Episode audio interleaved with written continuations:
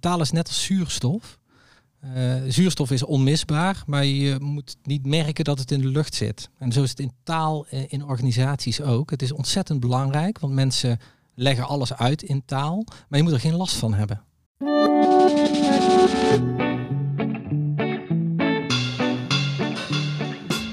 Gezellig dat je weer bent aangeschoven voor Getting Comfy With, de communicatiepodcast van Future Communication. Koffie met toonaangevende professionals om te praten over ons fantastische vak. Wat zijn uitdagingen, trends en better yet, tips? Ben je er klaar voor?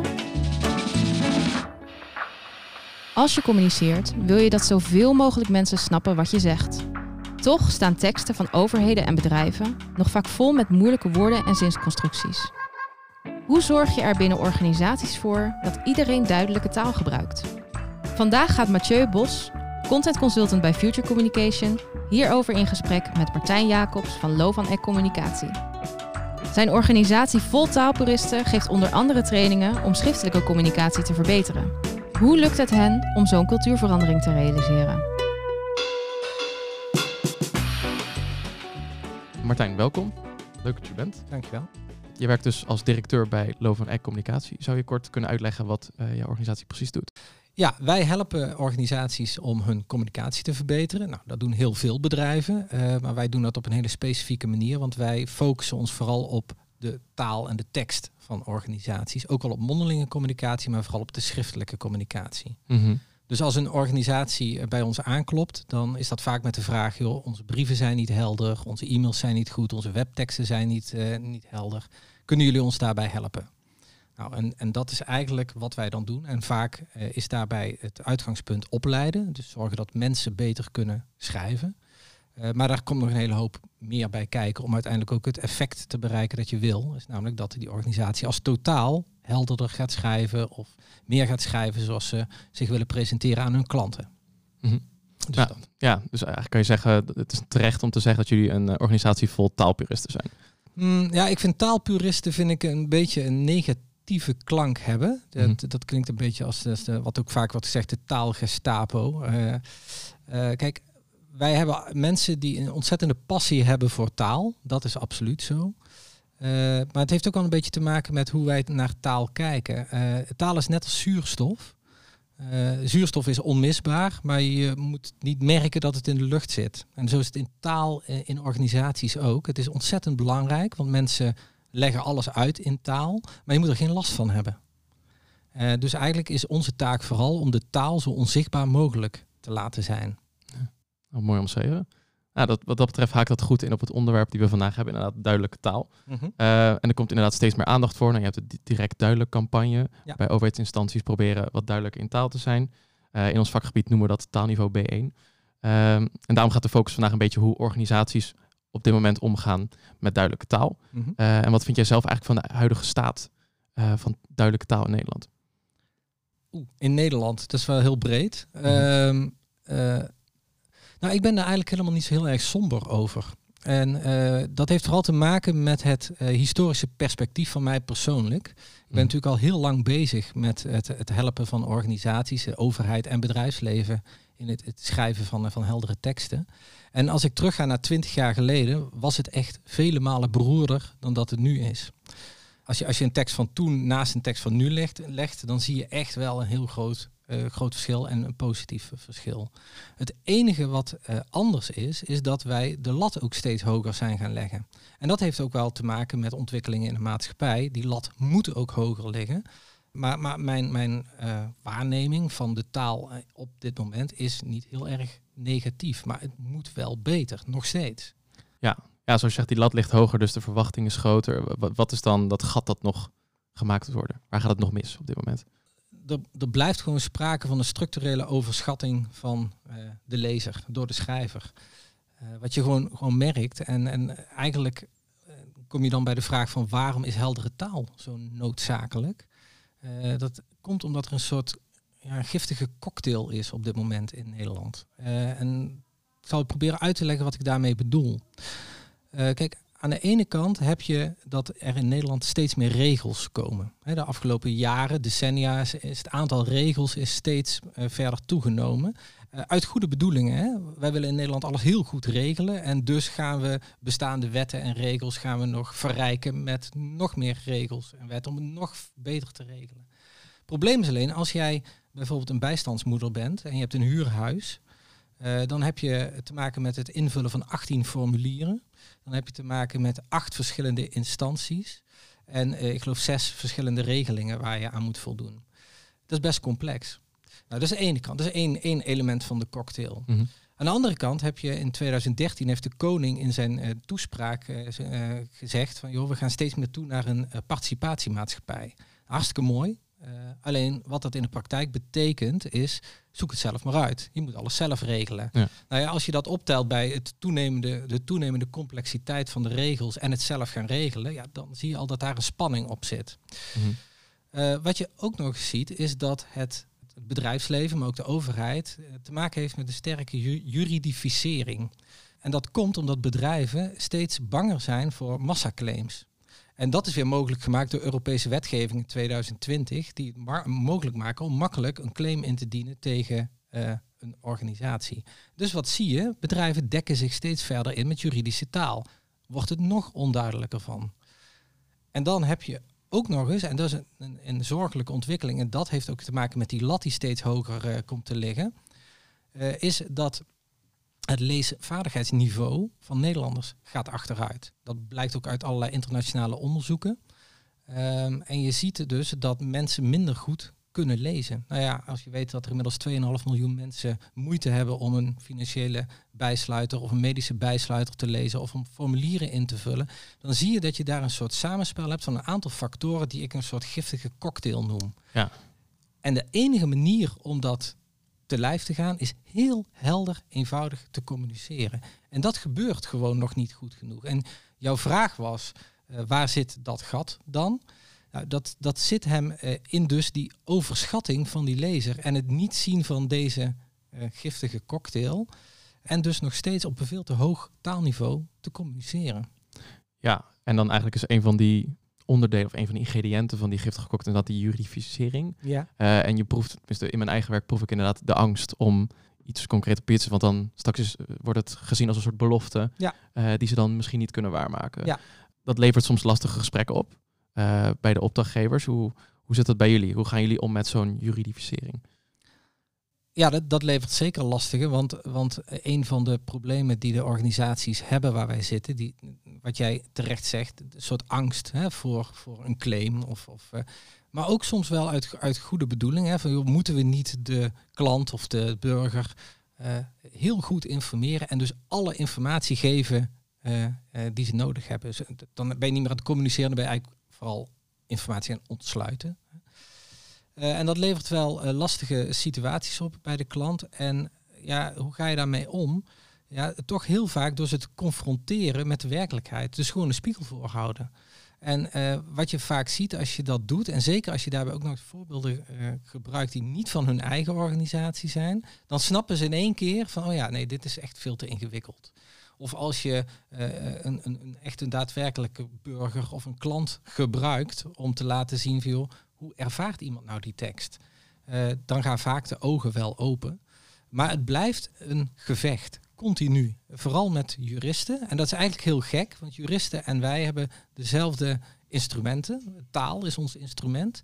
Logica is uh, ook een, een, instrument van ons. En toch staan we heel vaak tegenover elkaar. Maar als je dat, als je goed met iemand met een jurist in gesprek gaat en uh, je laat zien wat er mogelijk is, dan gaat ook vaak die koudwatervrees weg. En dan zie je dat als jij een juridische tekst herschrijft naar eenvoudige, heldere taal, dat ook de waterdichtheid van die tekst juist omhoog gaat. Dus het is vooral op die manier overtuigen van je, van je klanten. Ja, dus het moet echt wel bewijs, bewijs zijn dat een lezer het niet snapt of er foute conclusies uittrekt. Ja, dat.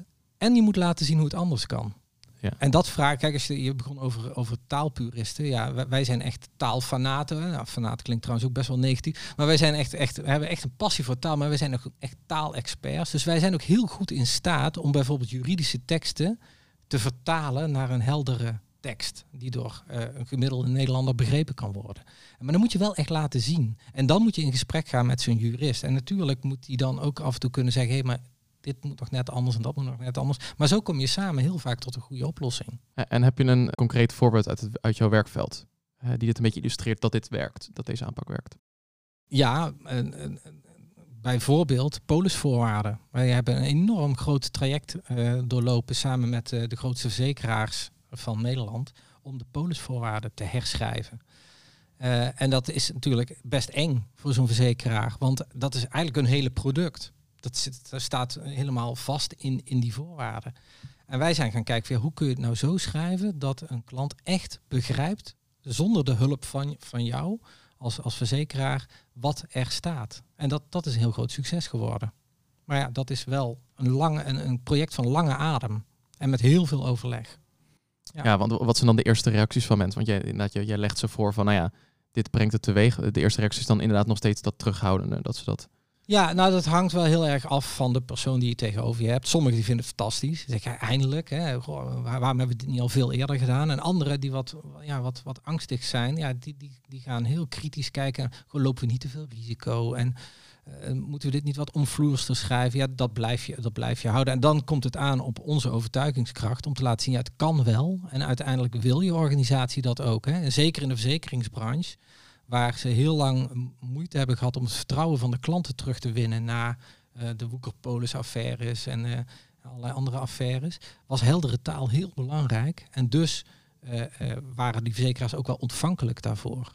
Maar goed, ja, het, het is altijd spannend. En dat is, maar dat maakt ons werk natuurlijk ook hartstikke leuk. Om, om de ander daarvan te overtuigen. En dan ook met een goed product. Dat het ook echt wel waterdicht is. Want je wil ook niet op je geweten hebben dat je een tekst de, de lucht inbrengt en dat de verzekeraar nat gaat daarmee. Ja, nou dat vind ik een interessant, want dat is een mooi bruggetje naar de kijkersvraag die we hebben. Heel leuk, wie belt er? Wie hangt er aan de lijn? Het moet toch wel een communicatieadviseur zijn of een procesregisseur, directeur, in ieder geval een luisteraar. Wat wil hij vragen? Hij heeft toch hopelijk niets te klagen? Nou ja, laat hem in ieder geval iets zeggen. Voordat de gast verdwijnt.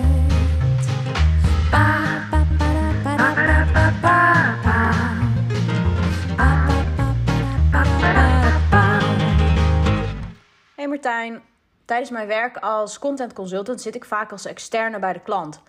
Daarbij loop ik dan soms tegen het volgende probleem aan. Als ik bijvoorbeeld een juridische beleidstekst krijg van een collega met het verzoek deze te herschrijven, dan doe ik dat natuurlijk zo goed mogelijk.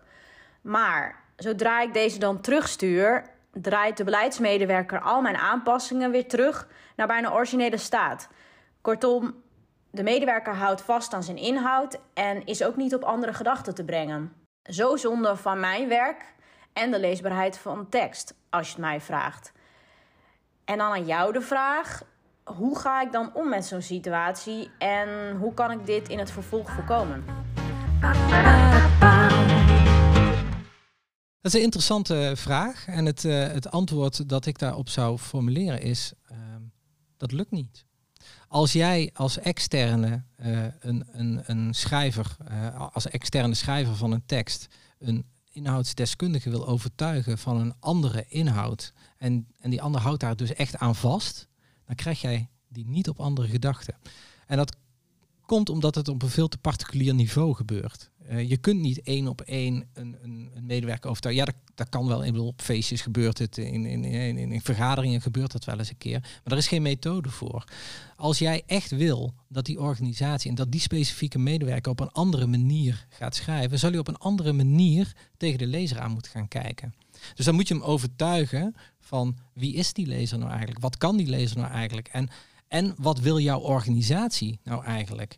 Dus je moet het veel breder aanpakken. Je moet eigenlijk toe naar een hele cultuurverandering binnen zo'n organisatie. En pas dan heb je kans van slagen bij zo'n individuele uh, beleidsmedewerker. Dus dat is een beetje onbevredigend misschien als antwoord. Maar ja, je, hebt een, je, je, lijkt een kleine vraag te hebben, maar de oplossing is nogal veelomvattend om die vraag op te lossen. Ja, het is inderdaad een soort van cultuurverandering. Ja, het, Moet, het moet van hogerop eigenlijk dat duidelijke taal de norm is of dat er zo van duidelijkere afspraken over zijn en dat de doelgroep duidelijk in beeld is en dan gaandeweg dan. Ja. ja, en ook kijk wat je vaak ziet bij organisaties, dat ze vragen ons natuurlijk heel vaak van joh, we willen, we willen die, die, die, die, die, die cultuuromslag maken, we willen naar heldere taal. Mhm. en, en elke directeur, elke bestuurder die, die zegt joh, het is heel belangrijk om goed te communiceren. Dat is namelijk heel makkelijk om te zeggen, maar het is heel moeilijk om te doen. Want het vraagt nogal wat van je. Het vraagt bijvoorbeeld al een enorme uh, draagvlak binnen uh, het management. En natuurlijk, dat draagvlak kun je ook weer met de mond beleiden. Nee, we staan erachter. Maar uh, een cultuuromslag gaat ver. Ik heb ooit eens een keertje met Gerrit Salm in een forum gezeten. En die was toen nog bestuursvoorzitter van ABN AMRO. En die vertelde, het ging ook over heldere taal. En hij vertelde dat ze bij ABN AMRO een hele mooie campagne hadden gedaan over heldere taal. En dat ze helemaal om waren. En een hele andere manier van denken en kijken naar de klant. En ik stelde toen de vraag aan hem hoeveel mensen heb je tijdens deze, deze omwenteling eigenlijk ontslagen? En hij was heel trots, want hij had niemand ontslagen. Ik zei, nou, dan lijkt mij een hele mislukte omwenteling. Want je maakt mij niet wijs dat je met dezelfde mensen die omwenteling kunt maken. Daar zijn mensen die daar niet in mee kunnen. En dat klinkt heel hard, maar dat is wel echt waar het over gaat. Als jij echt op een andere manier wil gaan communiceren met jouw klanten, dan betekent dat echt een andere cultuur. En dan moet je dus ook harde noten durven kraken. En een van die noten die je moet durven kraken is afscheid, mensen, eh, afscheid nemen van mensen die niet mee willen. En ook het schrijven, het schrijven van heldere taal bijvoorbeeld, opnemen in je HR-cyclus. Dus mensen echt beoordelen, belonen, uh, bestraffen voor het schrijven, al dan niet in heldere of onheldere taal. Mhm. En dat is iets wat weinig organisaties durven en doen. Maar dat is wel echt een van de belangrijkste randvoorwaarden om die verandering tot stand te brengen. Dus als je terug gaat naar die vraag over die, die, uh, die beleidsmedewerker. Kijk, op het moment dat die niet als missie, als, als opdracht mee heeft gekregen, ik moet helder schrijven en ik word daar ook voor beloond of ik word daarvoor gestraft, dan is er ook geen enkele incentive voor deze beleidsmedewerker om te veranderen. Nou, en, en dat is echt wel iets wat, ja, als ik dit met onze klanten bespreek, dan zie ik altijd dat ze beginnen te fronsen. Want dat betekent nogal een flinke ingreep in hun hele, in hun hele organisatie. Maar ja, als je helder wil communiceren, betekent dat ook echt een flinke ingreep in je organisatie. Anders krijg je het niet voor elkaar, anders is het echt alleen maar voor de bühne. Duidelijk. Nou, je kunt je voorstellen dat ik me niet altijd heel erg populair maak met deze opvatting. Nee. Nou, zoals je zegt, er moeten noten gekraakt worden. Dus dan eh, moet jij soms de persoon zijn om dat te doen. Ja. Uh, want uh, hoe zou je dan uh, die cultuuromslag vatten in bijvoorbeeld de drie tips? Dat er communicatiemensen zijn die denken van, nou ja, dit klinkt top, dit wil ik doen.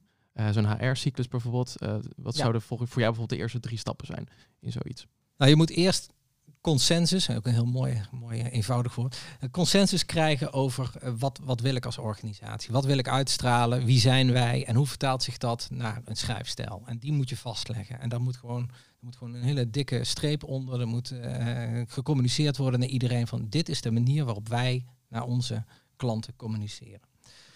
Uh, wat ik net al zei, dat, dan moet je vervolgens zorgen dat mensen daar ook zich aan gaan houden. Hè? Dus uh, dat het mee wordt genomen in hun, jaarlijkse, maandelijkse, dagelijkse beoordeling. wat ook nog wel belangrijk is, natuurlijk dat je mensen ook de tools geeft om het te kunnen. Hè? Dus je moet mensen wel opleiden, je moet ze helpen daarbij.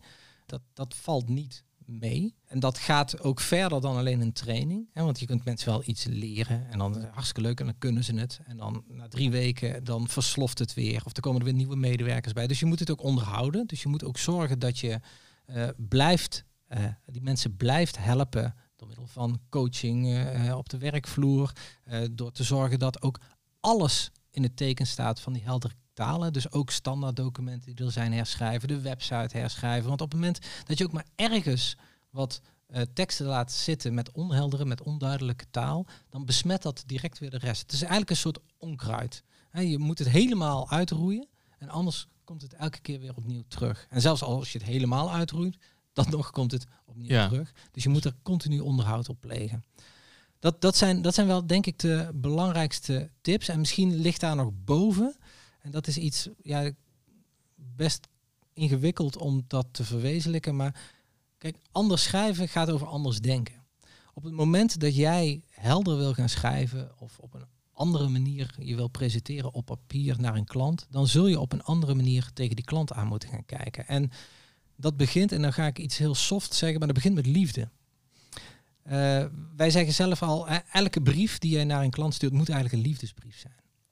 Want jij houdt van je klant. jij vindt jouw klant heel erg belangrijk. Want als die er niet zou zijn, zou jij geen recht van bestaan hebben. En als je, als je dat als uitgangspunt neemt, dan heb je eigenlijk ook geen reden om het die klant moeilijk te maken. Sterker nog, dan doe je, zet je alles op alles om het die klant uh, eenvoudig te maken. Uh, makkelijk te maken, naar de zin te maken. En dit is ook een hele lastige boodschap hoor. Want dan zeggen ze, ja, maar deze klant die, uh, die betaalt zijn rekening niet. Moet ik, dan, moet ik die dan op een liefdevolle manier benaderen? Ja, dat moet. Want het blijft een klant. En anders moet je gewoon afscheid nemen. En, en zo zijn er, ja, eigenlijk, je kunt daar uren over praten, want er is heel veel wat je moet doen om zo'n organisatie in stelling te brengen voor heldere communicatie. Ik weet, het zijn, het zijn misschien meer dan drie tips, maar... Ja, volgens mij, uh, maar gewoon uiteindelijk uh, liefde moet de basis zijn. Ja, ja oh, voor, voor alles. Ja, voor ja alles. precies. Even concreet, hoe ziet zo'n liefdesbrief eruit? Als je hem nu zou moeten schrijven. Nou, ik, ik kan wel een voorbeeld geven uit de praktijk. wij, wij geven bijvoorbeeld heel veel trainingen aan woningcorporaties. En het is een, is een praktijkvoorbeeld uit mijn eigen, eigen trainingen. Um, stel je huurt een, een woning van een, van een woningcorporatie en je zegt die woning op. Uh, dan heb je 15 jaar in gewoond. Nou, ben je hartstikke goede klant geweest. Je hebt altijd heb je, je, huurkeurig betaald. En dan krijg je een brief van je woningcorporatie en daar staat in, nou, uh, u gaat weg. We hebben afspraken gemaakt. En uh, daarbij hebben we gezegd dat de woning in de oude staat moet worden teruggebracht of in de originele staat. En er zijn enkele gebreken geconstateerd in, in uw woning. En die moet u terugbrengen. En dan moet voor die datum. En als u dat niet doet, dan krijgt u een boete. Dat is eigenlijk dan slot van je samenwerking met je huurder. Uh, dat komt vaak heel erg negatief over. Zeker als je 15 jaar trouwe huurder bent geweest. Het kan namelijk ook heel simpel anders. Je kunt namelijk ook zeggen, beste huurder, ik vind het hartstikke jammer dat u weggaat, want u bent altijd een fantastische huurder geweest. En wij hebben aan het begin van onze huurperiode afspraken gemaakt en hebben we gezegd, hè, u moet in de originele staat. Uh, we zien dat u een aantal veranderingen aan de woning hebt gebracht, dus ook geen gebreken, maar veranderingen. U heeft bijvoorbeeld de parketvloer neergelegd die er niet lag, of uh, misschien is er wel een keukenkastje kapot. Um, en we hebben afgesproken dat dat dus in de originele staat wordt teruggebracht. En daarvoor heeft u twee mogelijkheden. Mogelijkheid 1 is, u doet het zelf. Dat is de goedkoopste oplossing. Moet alleen wel goed gebeuren en voor die datum. Mogelijkheid 2 is u laat het door ons doen. En dan betaalt u daarvoor. Uh, en dan zie je dus, dus op een andere manier kijken naar zijn probleem. Hè. Dan wordt het geen boete, dan wordt het een, eigenlijk min of meer een soort offerte. Laat het maar door ons doen, dan betaal je dit.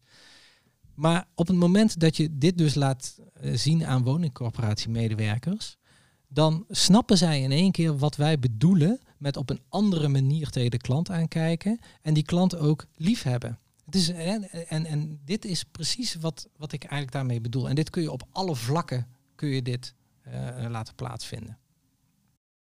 Laten we hopen dat er, dat er genoeg liefdesbrieven geschreven gaan worden in de toekomst. Dat zou mooi zijn.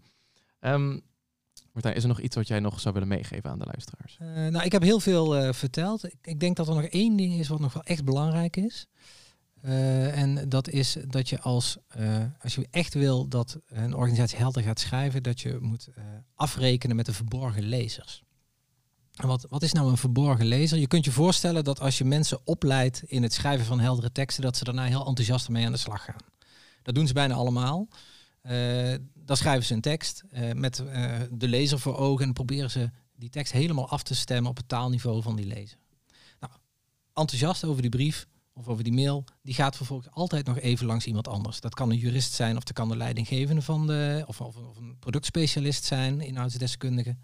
Die kijkt er ook altijd even naar, maar die kijkt met andere ogen. Dus die gaat kijken, oké, dit moet anders en dat moet anders en zus moet anders. Nou, die brief die, die komt weer terug bij de oorspronkelijke schrijver en die krijgt een brief vol met rode strepen terug. Nou, die past het aan. Nou, zo gaat het altijd heen en weer. Het is een soort uh, gangbaar proces. En uiteindelijk gaat er een totaal andere tekst naar de lezer dan uh, die de schrijver oorspronkelijk heeft geschreven. De schrijver doet dit elke die gaat elke keer weer opnieuw beginnen. Hè. Bij de volgende brief gaat hij weer, ik ga weer lekker voor die lezer een heldere tekst schrijven. Uh, en weer gaat hij naar de baas, naar de, naar de naar, naar de inhoudsdeskundige. En weer komt hij terug met rode strepen en weer moet hij hem aanpassen. Op een gegeven moment komt die schrijver op een punt dat hij denkt van ja, maar wacht even ik kan wel de hele tijd heel enthousiast die tekst schrijven voor de lezer. Maar ik krijg hem de hele tijd terug met rode strepen. Wat ik ga doen, ik ga hem zo schrijven dat ik hem niet meer terugkrijg met rode strepen. Dan ga ik hem dus schrijven voor mijn baas, de jurist en de inhoudsdeskundige en niet meer voor de lezer. En dan heb je in feite in een organisatie verborgen lezers gecreëerd. Dus teksten worden geschreven voor verborgen lezers. En als je dat hebt in een organisatie, dan is het heel moeilijk om naar heldere communicatie te komen. Dus wat je dan moet doen, is eigenlijk die verborgen lezers zo snel mogelijk identificeren en zorgen dat zij ook op een andere manier naar die klant en naar heldere taal gaan kijken. Dat is dan heel belangrijk om als laatste nog even mee te geven.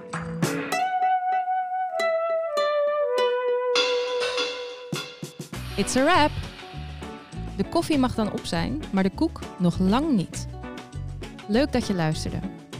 Wil je meer horen van de communicatiepodcast van Nederland? Onze website staat vol met interessante gesprekken met professionals. Neem gerust een kijkje op futurecommunication.nl/slash podcast of zoek ons direct op via de bekende podcastkanalen. En ben jij of ken jij iemand met wie we in gesprek moeten over ons vak? Neem dan contact op met ons via futurecommunication.nl of onze socials. Dan maken we een koffieafspraak. Bedankt voor je aandacht en tot de volgende keer.